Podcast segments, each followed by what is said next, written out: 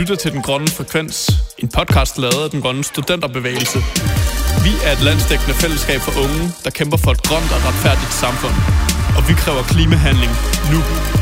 Lyt med, hvis du er interesseret i klimaaktivisme og kampen for en bæredygtig fremtid.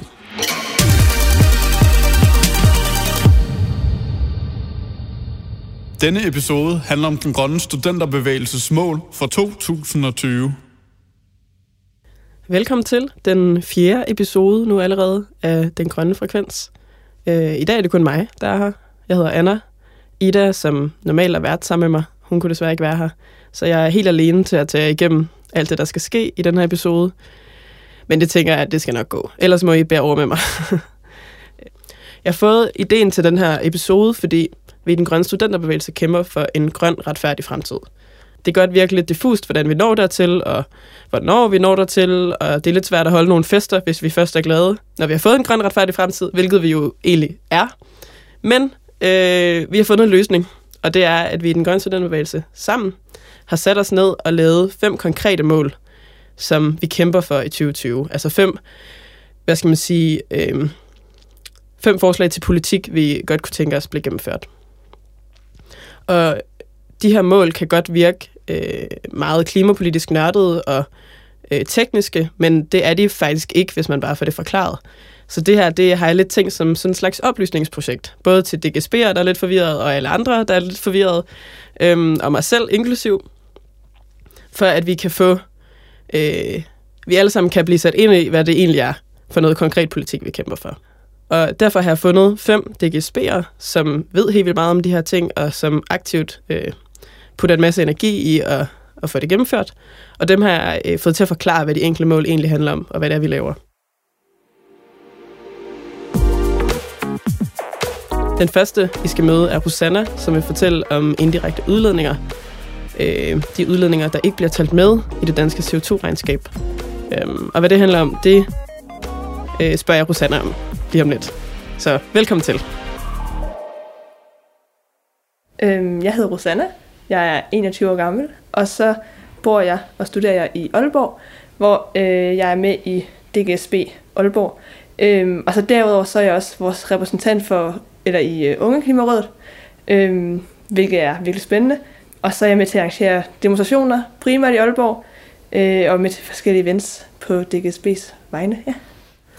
Og øh, du ved noget om det her med indirekte udledninger, som er en af vores 2020-mål.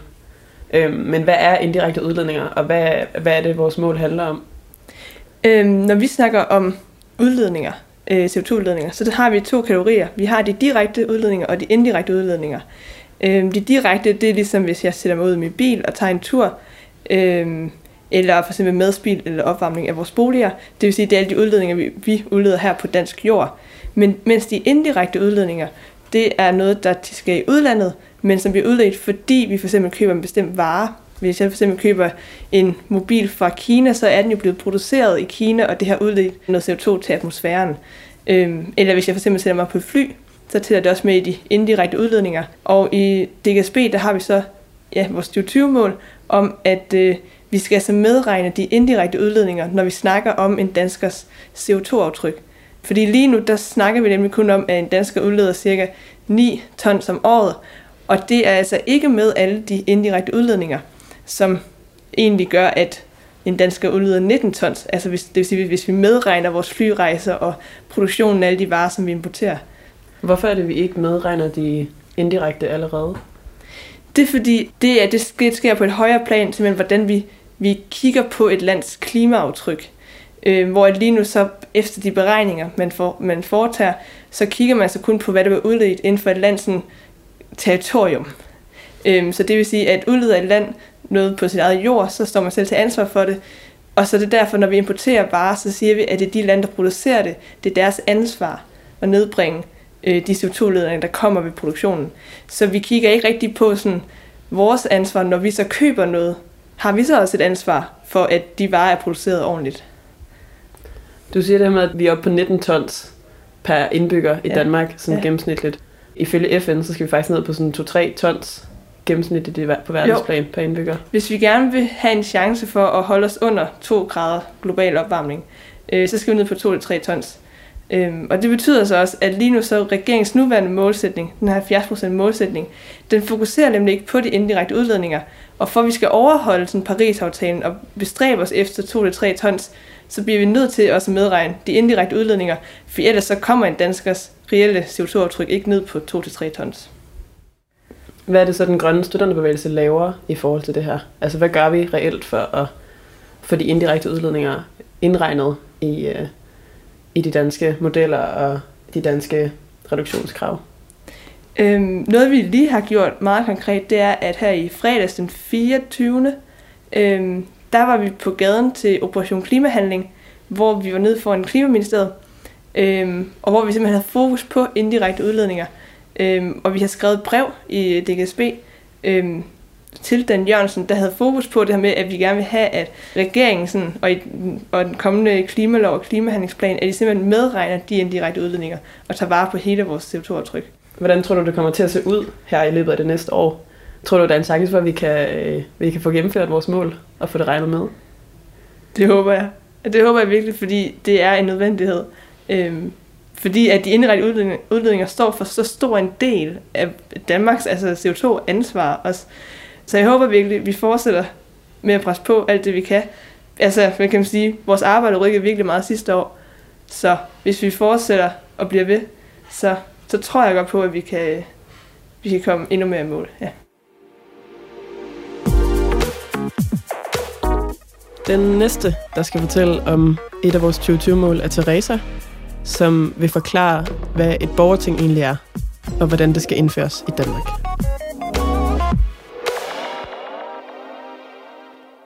Jeg hedder Teresa, jeg er 25 år gammel, og jeg arbejder i aktivitetsgruppen Klimaborgerting. Det er den her måde at lave borgerinddragelse, som ikke bare er en høring eller en fokusgruppe, men som rent faktisk giver borgerne mulighed for at have indflydelse på udformningen af klimalovgivning. Så helt konkret er det at udtrække nogle borgere, som er tværsnit af den danske befolkning, det vil sige altså på tværs af køn og alder og geografi og erhverv og uddannelse, øh, som så skal rådgive sig nogle eksperter, og så går, sætter borgerne sig sammen og diskuterer sig frem til nogle anbefalinger, som de skal give til Folketinget på klimaområdet i forhold til, hvad for en lovgivning de synes er relevant for at løse den klimakrise, vi står i i dag. Og hvad er det, som borgerne kan, som eksperterne for eksempel ikke bare kan sige til Folketinget? Borgerne øh, har ligesom en helt anden legitimitet hos befolkningen. Altså, der vil sidde folk derinde, som repræsenterer øh, nogle grupper i, bef- øh, i befolkningen, som eksperterne ikke kan repræsentere.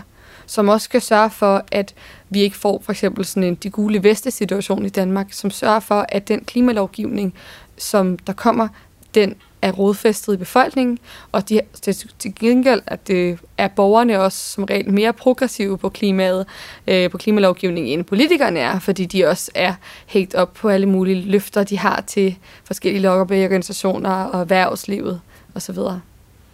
Fedt. Hvor mange borgere skal der være med, og hvordan finder man ud af, at det sådan er repræsentativt, at det er alle mulige slags borgere, der er med? De modeller, vi har set på, har været omkring de 100 borgere, for så kan man være rimelig sikker på, at man kan finde nogen, som øh, repræsenterer nogle forskellige strata.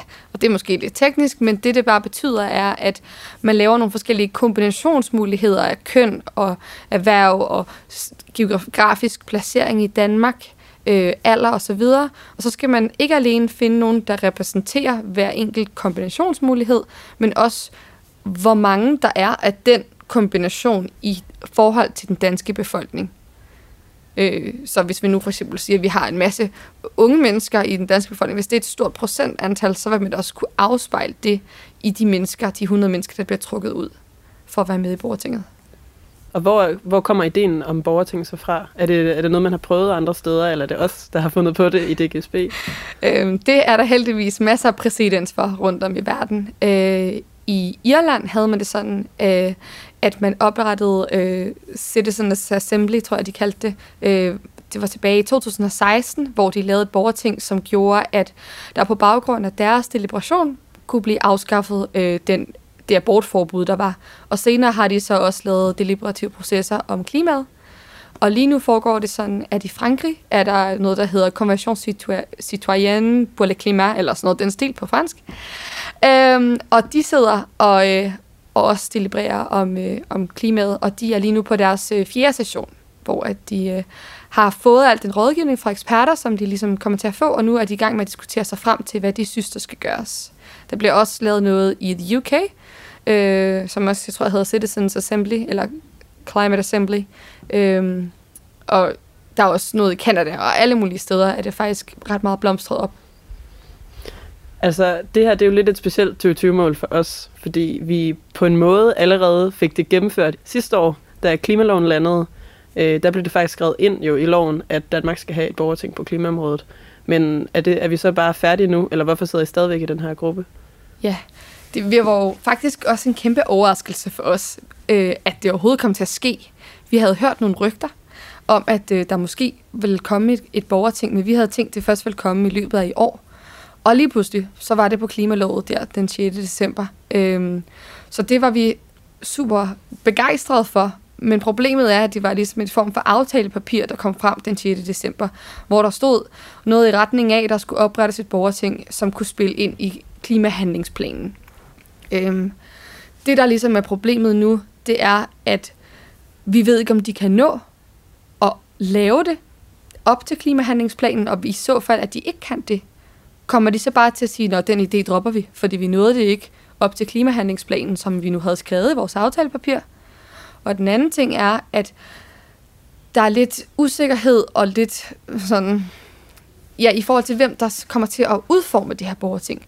For der er nogen, som vi ikke er super enige i, som, ikke, som måske vil tilgive de her eksperter mere magt, end vi synes, de skal have, øh, eller som, som vil gøre det sådan, at der måske er færre, at der ikke er ordentligt stratificeret lodtrækning. Så, så arbejder vi lige nu rigtig meget på at sørge for, at det lever op til fem fokuspunkter, som vi er kommet frem til, der skal til, for at klimaborgertinget har den legitimitet, som det har brug for at have. Okay. Og de her fem fokuspunkter, dem præsenterer I så for øh, politikerne, eller hvordan foregår det? Ja, vi var så fantastisk heldige at få lov til at komme ind til et øh, foretræde på Christiansborg i den torsdag den 16. januar, øh, hvor vi var blevet inviteret ind sammen med øh, en journalist fra Information, Jørgen Sten Nielsen, som også arbejder med klimaborgerting, og Fonden Teknologirådet, som også arbejder med, med borgerinddragelse. Og der præsenterede vi så de her fem fokuspunkter, øh, og de er så, at der skal være en forpligtelse fra politikernes side om, at de rent faktisk tager stilling til, altså at det, som borgertinget kommer frem til, det kommer til at være noget, de skal beslutte og hvad hedder det, stemme om i Folketinget. De skal have en klar opgave i borgertinget, sådan så de ved, hvad de skal arbejde på. Det kunne for eksempel være, hvordan kan Danmark leve op til 70% reduktionsmålet og sit globale ansvar på klimaområdet.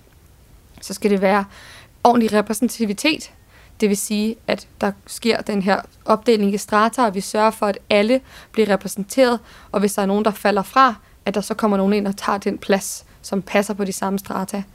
Øhm, så skal vi have ordentlig deliberation, det skal vi sige, der skal være tid til, at de bliver rådgivet af eksperter, at de har en ordentlig diskussion om, hvad de mener om det, og ordentlig tid til at udarbejde deres anbefalinger til Folketinget. Og sidst men ikke mindst, skal vi have åbenhed omkring borgertinget. Det vil sige, at der skal være livestreamet de ekspert øh, vidner, som kommer ind og snakker. Vi skal sørge for, at folk kan følge med. Medierne skal have adgang til at komme ind og ikke nødvendigvis snakke med de enkelte, men ligesom være med til at dække det, og der skal være gennemsigtighed i de ting, som borgerne øh, i borgertinget bliver præsenteret for i forhold til, øh, at vi kan gå ind og tjekke, om øh, det ligesom er legitimt. Og vi skal også have nogle eksperter, som sidder og tjekker, hvad de eksperter, der kommer ind og snakker, om de har styr på deres facts, sådan så der ikke kan blive stillet spørgsmålstegn ved, om det er legitimt, det der foregår. Det lyder virkelig som en god idé. Øhm, nu er det jo vores 2020-mål, og det er jo, øh, det er jo allerede en aftale, at det skal ske, men tror du, det kommer til at ske i 2020? Ja, det er faktisk mit indtryk, fordi det lige pludselig har gået stærkt. Øh, og sådan noget som for eksempel, når Macron i Paris, øh, eller i Frankrig, han laver det, det, det batter virkelig noget ind på Christiansborg. Det synes de er fedt. Øh, så jeg tror også gerne, at Danmark vil jo gerne være et grønt klimafordrangsland. Altså det har vi jo ligesom brystet os på i mange år. Så jeg tror faktisk, at de kan se, at det er den vej, øh, hvad hedder det, vinden blæser lige nu. Så, så jeg tror, det kommer til at ske. Spørgsmålet er bare, om det sker med den legitimitet og leve op til de fem fokuspunkter. Fordi hvis det ikke gør det, hvis eksperterne har for meget magt, eller hvis det ikke er gennemsigtigt, hvad der foregår, eller hvis det ikke er ordentligt repræsentativt, eller hvis, det, eller hvis befolkningen ikke er klar over, at det overhovedet sker, jamen så vil det ikke kunne leve op til alt det potentiale, det har. Og det er det, det, vi kæmper for. At det lever op til sit fulde potentiale. Det næste 2020-mål det handler om klimabidrag og bonus, som betyder at lægge afgifter på klimabelastende varer og ydelser. Og det vil Christine fortælle om.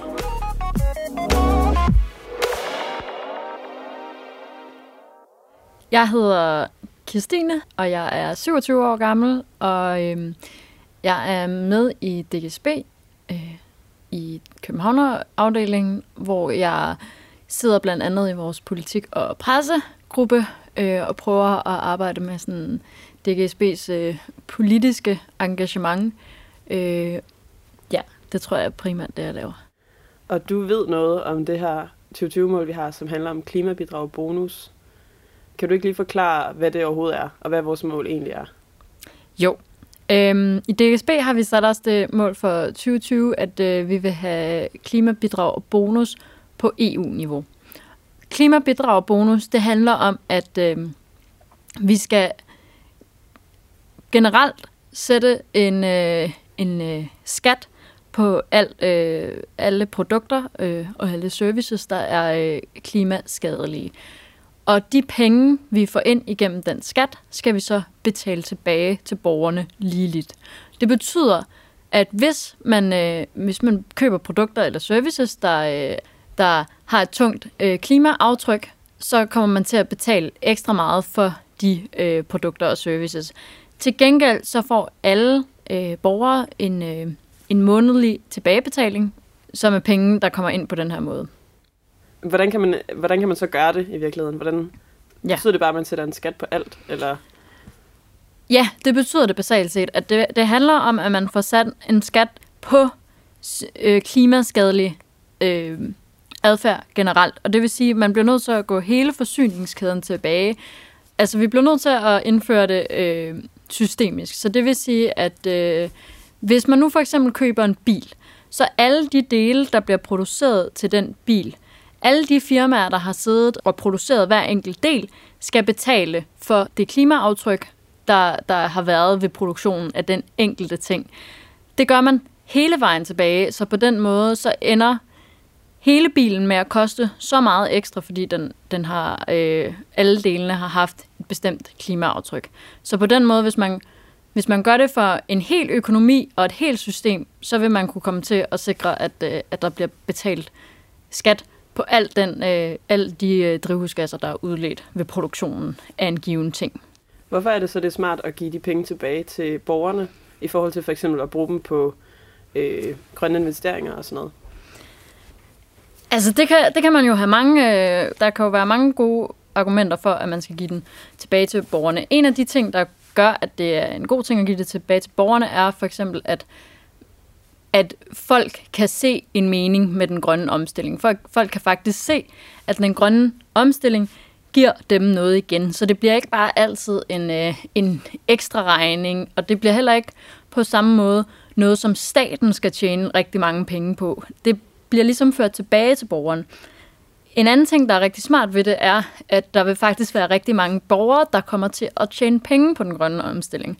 For der vil komme til at være rigtig mange borgere, der ikke betaler lige så meget i klimaafgifter, som de ender med at få tilbage. Så på den måde kan man sige, hvis du generelt køber færre øh, produkter og services, der er klimaskadelige end den gennemsnitlige dansker, så vil du faktisk komme til at tjene på den grønne omstilling. Og omvendt så kan man sige, at dem, der belaster mest i det forbrug, de har, Ja, de vil også komme til at betale mest. De vil også modtage den der check, så de vil også komme til at tjene nogle penge på den grønne omstilling, så at sige, men de vil så til gengæld have betalt mere i deres forbrug. Det kan jo så selvfølgelig også give alle øh, os almindelige danskere et øh, incitament til at lægge vores eget forbrug om, for at vi så skal betale mindre i de her klimaskatter, og på den måde øh, tjene mere på den grønne omstilling, så at sige. Fedt, det giver mening. Det var godt. Hvad er det så, vi laver egentlig, eller hvad er det, hvad er det den grønne studenterbevægelse har gang i i forhold til det her mål? Hvordan får vi presset på, for at det bliver indført? Ja. Øh, I den grønne studenterbevægelse, så er vi lige startet op på vores arbejde omkring øh, det her 2020-mål. Øh, vi øh, arbejder blandt andet sammen med en masse andre øh, danske organisationer og bevægelser, der også godt kunne tænke sig, at vi får gennemført den her øh, ændring. Og derudover forsøger vi også øh, selv at skabe noget opmærksomhed omkring den her lovændring, som vi gerne ser gennemført. Er det noget, vi mest presser på for at få igennem? Nu siger du, at 2020-målet i virkeligheden handler om at få det gennemført på EU-plan. Mm. Øhm, men er det noget, man har tænkt sig at starte med i Danmark, og så ligesom brede ud, eller giver det slet ikke nogen mening kun at gøre det, hvis vi gør det i Danmark? Det giver helt sikkert super god mening at gøre det, også hvis vi bare gør det i Danmark. Fordi jo flere, der starter med det, jo, jo, jo større... Øh, hvis man kan vise, at den her øh, løsning virker her i Danmark for eksempel, vil der også være større øh, argument for, at man skal gennemføre det i EU.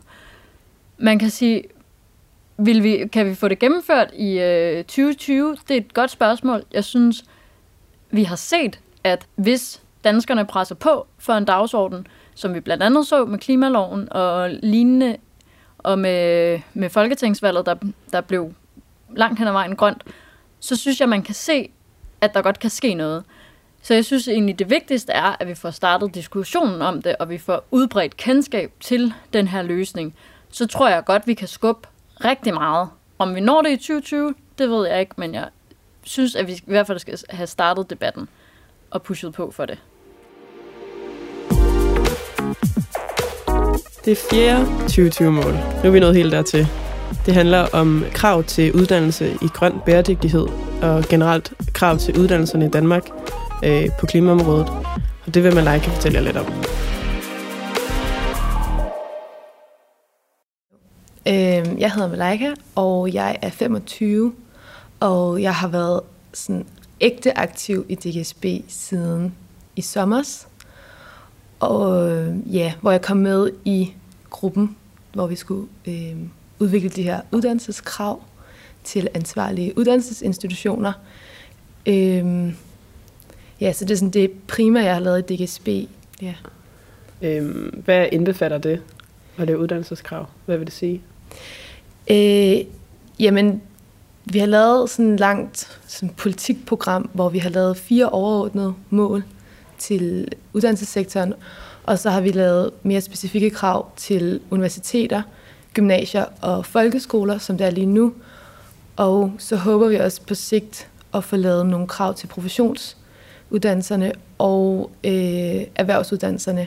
Men fordi vi ikke rigtig har haft nogen for professionsuddannelserne og erhvervsuddannelserne i vores gruppe, så har vi ikke følt os sådan kvalificeret til at lave specifikke krav på de områder. Så derfor så har vi prioriteret universiteter, gymnasier og øh, folkeskoler. Okay. Men hvad vil det så sige at sætte krav? Er det i forhold til undervisningen, eller i forhold til institutionerne i sig selv, eller hvad er det for nogle, hvordan har I lavet de her krav? Jamen, det er egentlig øh, krav på alle niveauer. Øh, hvis vi lige skal tage de fire overordnede krav, så det første, det er et krav om, at der skal være undervisning i grøn bæredygtighed. Ja, på alle niveauer. Og grøn bæredygtighed har vi lavet som sådan en fælles betegnelse, i stedet for at vi skal nævne øh, klima, miljø, biodiversitet, økologi, øh, gensidighed med naturen. Øh, hver, hver gang vi snakker om det, så har vi lavet sådan en samlet betegnelse, der hedder grøn bæredygtighed. Øh, så ja, den første er, at der skal være grøn bæredygtighedsundervisning på alle niveauer. Nummer to er, at øh, bæredygtig dannelse skal skrives ind i formålsparagraferne. Øh, nummer fire er, at øh, det økologiske fodaftryk i institutionerne på institutionsniveau skal reduceres, og på sigt skal den gå i nul. Og ja, det økologiske fodaftryk er jo sådan noget med, med drift, med indkøb, øh, bygningernes øh, kantiner, sådan nogle ting. Og det fjerde mål, det er, at institutionerne skal være sådan et, en aktiv spiller i omstilling til et bæredygtigt samfund. Så det er sådan de fire overordnede krav. Så det er sådan krav til, til både indhold i undervisning, men også øh, som institutioner i virkeligheden.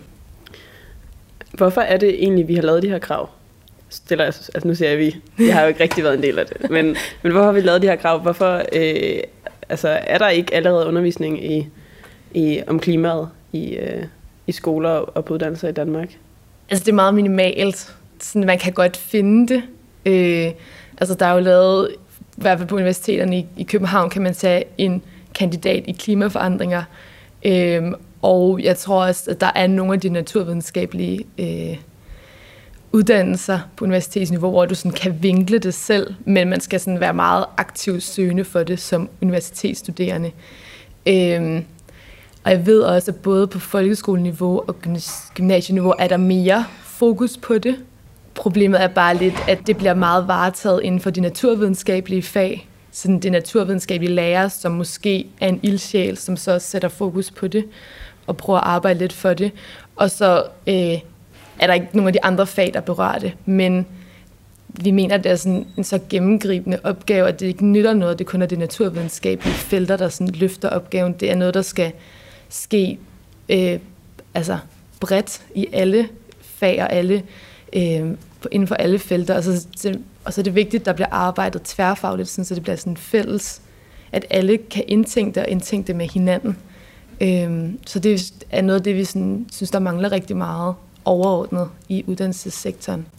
Det er helt vildt vigtigt, at der kommer mere fokus på det og at det ikke skal være noget, der kommer fra eleverne eller studerende selv, der skal ønske det og kæmpe for at få undervisning i det her. Det skal simpelthen bare være noget, der bliver sådan et kerneelement i vores uddannelsessektor. Sådan, så det er uddannelserne øh, eller institutioner, der sådan varetager, der er de her øh, undervisning, og ikke noget, der sådan skal pushes på nedefra, om at det skal der være, at det vil vi gerne, og så sker det måske lidt, og, men det skal bare være et kerneelement, fordi det er så vigtigt. Altså nu har, nu, du sidder i den gruppe, der har lavet de her uddannelseskrav. Mm. Øhm, men hvordan sikrer I jer, at de så bliver overholdt? Dukker I bare op og banker på døren på uddannelserne og siger, vi har de her krav, og dem skal I følge? Øh, jamen, det er lidt en proces, vi skal til at have planlagt nu, hvordan vi præcis skal øh, udbrede og få opbakning til de her krav, vi nu har siddet. Det ene bliver sådan noget med, at vi skal hive fat i alle vores politiske partier og deres øh, ordfører, og fortælle dem om, hvor vigtigt det er, og hvordan de skal gøre det. det er sådan, øh, men det er kun nogle af kravene, som er henvendt på sådan statsniveau. Så har vi snakket om, at vi skal have fat i de, de forskellige kommuner, og, øh, fordi de skal også sørge for at sætte nogle rammer og løfte den her opgave.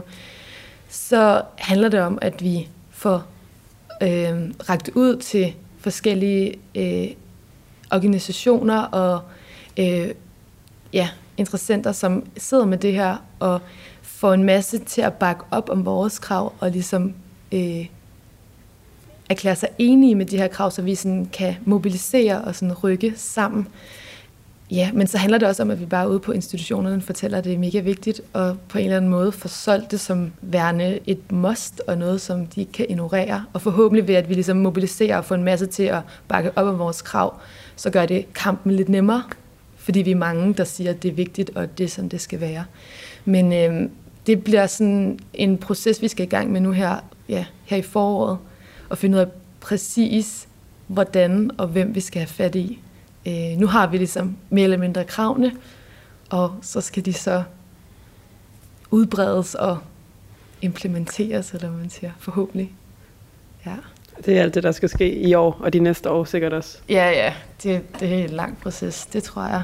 Men øh, forhåbentlig er der mange, der bare synes, det er det helt rigtige, og som gerne vil bakke op om det. Og vi kan også mærke, at der er ret meget momentum for det i øjeblikket. Altså, vi har allerede været til øh, snak, eller hvad hedder det, til møde med, med Alternativet, og, øh, og skal til møde her med SF i slutningen af februar. Ja, vi ved, at de kommer ud med et udspil om, øh, i hvert fald øh, folkeskolen, jeg tror måske, det er for hele uddannelsessektoren, som kommer med et udspil til, hvordan man skal implementere det som en del af handleplaner inde i, klimaloven. Vil de, ligesom, de vil bruge det moment, som der er med klimaloven og, og handleplanerne til os at lave et, et udspil på niveau om, hvordan at uddannelsessektoren også skal være en del af klimaloven.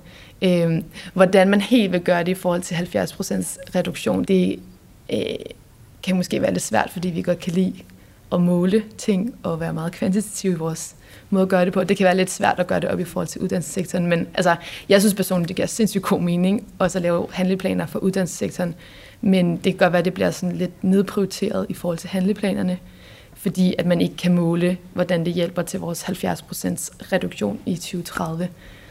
Men øh, hvis spørger mig, så synes jeg, at det, det er mega vigtigt, at vi gør det. Ja.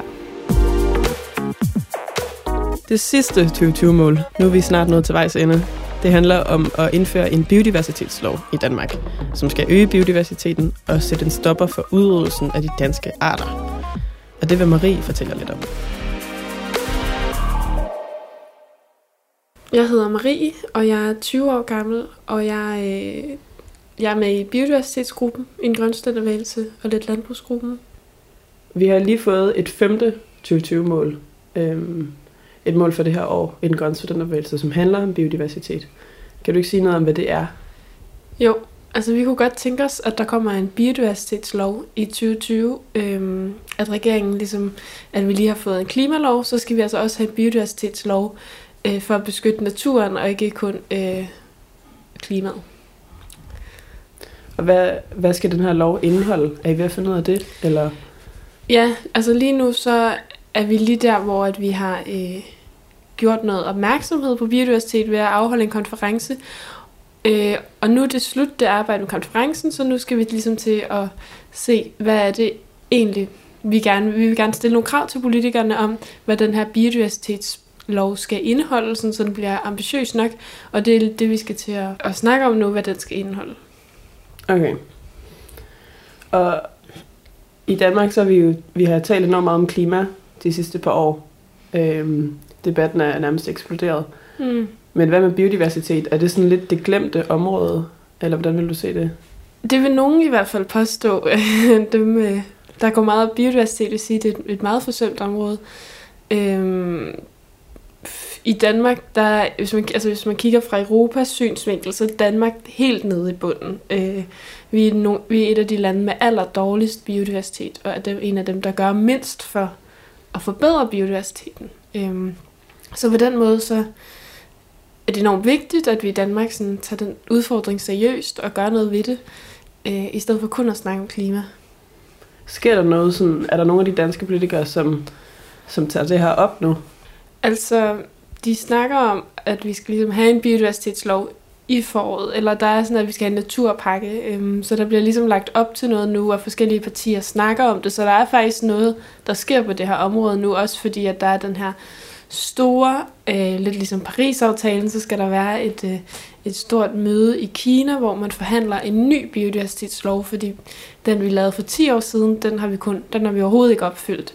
Så nu bliver vi nødt til at mødes igen og være sådan, hvad gør vi for ligesom, at få opfyldt de her mål?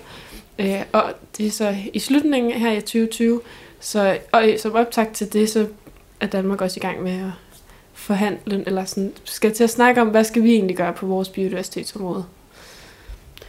Du siger, du sidder i biodiversitetsgruppen i den grønne studenterbevægelse.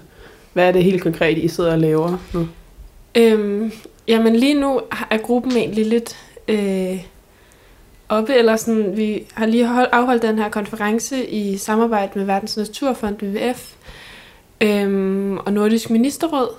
Og efter det her, så efter konferencen, så her, lige om lidt skal vi have et møde med øh, alle dem, der har lyst til ligesom at snakke videre om det her fra konferencen. Øh, og så har vi jo præsenteret det for resten af den grønne studenterbevægelse, og der er også nogen, der er interesseret. Så vi skal alle sammen mødes. Det bliver spændt på mange, og ligesom se, hvad vil vi gerne arbejde frem imod? Altså der er både noget omkring konkret at finde ud af, hvad skal den her biodiversitetslov indeholde? Der er noget, skal vi lave noget, noget aktivistisk, noget, nogle ture, hvad skal vi der? Og der er forskellige øhm, tilbud, vi har fået, og ting i ministeriet, og vi vil godt tænke os at komme ind til Lea Wermelin, eller hun er i hvert fald miljøministeren, hun er interesseret i at snakke med os efter konferencen. Øhm, så der er ligesom mange ting at tage fat i herefter, så det bliver en ret spændende proces at se, hvor det ender. Tror du, der er en chance for, at vi kan få et ambitiøst biodiversitetsmål øh, gennemført her i 2020? Uh, det er et godt spørgsmål. altså, jeg tror måske, der er vilje til at lave en biodiversitetslov, men om den lige spiller efter vores øh, forventninger, øh, det synes jeg sjældent, det gør med politikerne. Men vi prøver. Vi prøver. Tak fordi du vil være med. Selv tak. Velkommen tilbage til studiet. Nu er vi nået hele vejen igennem alle de fem mål, og jeg håber, øh, du eller I har lært noget øh, undervejs, at have lyttet med. Og øh, så vil jeg bare lige sige, at det også er okay at stadig være øh, meget forvirret, øh, eller synes, det virker ret uoverskueligt med de her konkrete politiske mål. Øh, man kan finde noget mere information, hvis man vil, på vores hjemmeside, dgsb.dk. Øh, man kan også dukke op til en af vores møder og bare spørge folk, der ved noget om det. Vi kan også godt glemme nogle gange, at der er nogle af de her ting, øhm, som man bare ikke ved, medmindre man har arbejdet med det. Ja, men øh, en opfordring til, at hvis du har lyst til at være med til at arbejde for nogle af de her øh, mål, så er du meget velkommen i hele landet. Der er intromøder over det hele lige for tiden, øh, så det skal være til at finde ud af. Ellers kan man starte en afdeling, hvis man har lyst. Øhm, og så vil jeg bare sige, husk at komme til klimastrække den 13. marts. Det er fucking vigtigt, at vi alle sammen går på gaden. Øhm, og hvis du stadig er i tvivl om, om det rent faktisk er vigtigt, så kan du lytte til vores første episode, som handler om klimastrækker. Yes. Øh, ellers så vil jeg bare sige tak, fordi du lyttede med, og vi ses i næste episode, når vi når dertil. Og ellers så find os på gaden og i byerne, og hvor du nu støder, støder ind i os rundt omkring. Tak for i dag.